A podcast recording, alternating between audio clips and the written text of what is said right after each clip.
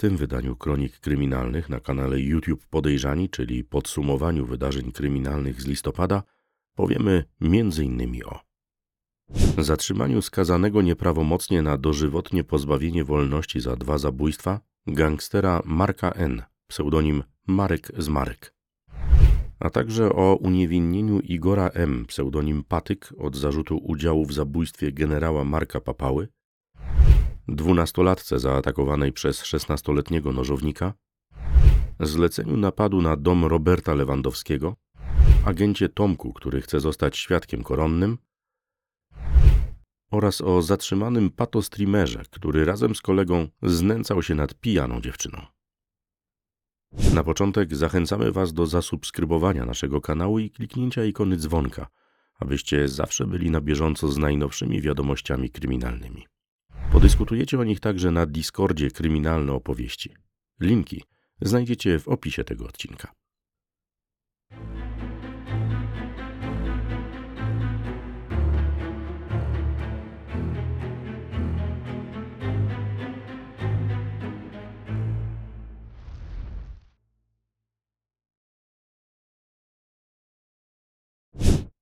Wpadł Marek z Marek, poszukiwany za podwójne zabójstwo.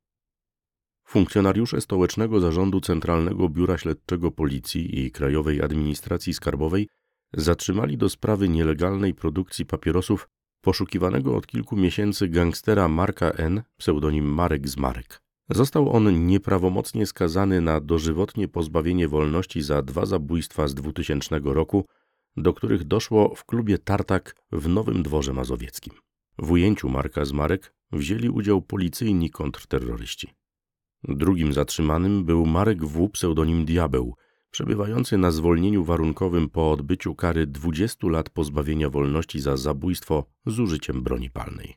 Podczas działań zabezpieczono blisko 4 miliony sztuk papierosów bez polskich znaków akcyzy. Gdyby trafiły na rynek, skarb państwa straciłby 5 milionów złotych z tytułu niezapłaconych należności podatkowych.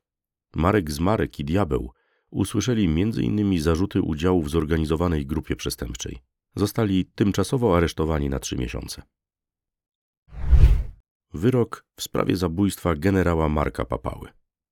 Sąd apelacyjny w Warszawie prawomocnym wyrokiem uniewinnił dawnego złodzieja samochodów Igora M., pseudonim Patyk, od zarzutu udziału w zabójstwie byłego komendanta głównego policji generała Marka Papały. Został on zastrzelony 25 czerwca 1998 roku pod blokiem, w którym mieszkał przy ulicy Rzymowskiego w Warszawie. Już w październiku 2020 roku sąd pierwszej instancji uniewinnił Patyka. Jednak prokuratura złożyła apelację. Sąd apelacyjny uznał zeznania świadka koronnego w sprawie Roberta P. za budzące wątpliwości. Miała napaść na dwa banki. Jest w rękach policji. 36-letnia Anna A. w ósmym miesiącu ciąży podejrzana o napady na banki w Kurowie i Puławach jest już w rękach policji. Jak udało nam się nieoficjalnie ustalić, z jednej placówki miała ukraść 20 tysięcy, a z drugiej 25 tysięcy złotych i zrobiła to głównie z zemsty, bo wcześniej nie uzyskała w tych bankach kredytu. Teraz grozi jej 20 lat więzienia, jako że rozbojów dokonała z użyciem niebezpiecznego narzędzia prawdopodobnie grożąc personelowi nożem. Z miejsc obydwu napadów Anna A. oddaliła się pieszo. Policji udało się odzyskać gotówkę skradzioną w drugim banku. Dwunastolatka zaatakowana przez nożownika. Dwunastoletnia Anastazja została zaatakowana w poniedziałek 13 listopada około godziny 17 przy ulicy Mikołajczyka w Rzeszowie, kiedy szła do osiedlowego sklepu. Napastnik dźgnął ją kilka razy ostrym narzędziem w okolice szyi i głowy. Dziecko po przewiezieniu do szpitala wprowadzono w stan śpiączki farmakologicznej i poddano operacji. Po kilku dniach udało się ją wybudzić. Do sprawy zatrzymano szesnastolatka. Sprawę prowadzi sąd rodzinny. Jeśli przekaże ją prokuraturze, podejrzanemu może grozić nawet 25 lat pozbawienia wolności. Zatrzymany za śmiertelne pobicie zapaśnika.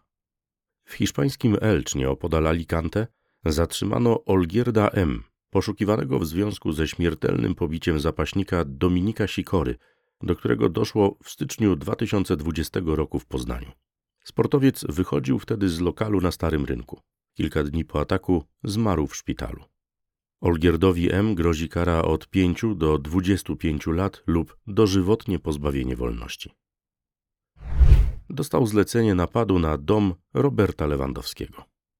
Śląski gangster Grzegorz L., pseudonim Młody, oskarżony o kradzieże i udział w napadzie w Niemczech, który zdecydował się na współpracę z organami ścigania i uzyskał status małego świadka koronnego, udzielił wywiadu Gazecie Wyborczej.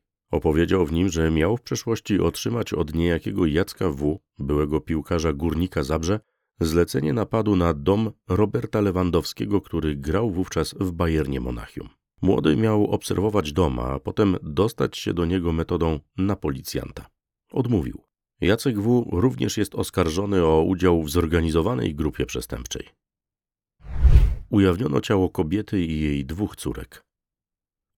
W podpoznańskim Puszczykowie ujawniono ciało 29-letniej kobiety i jej dwóch córek w wieku 1,5 oraz 4,5 roku.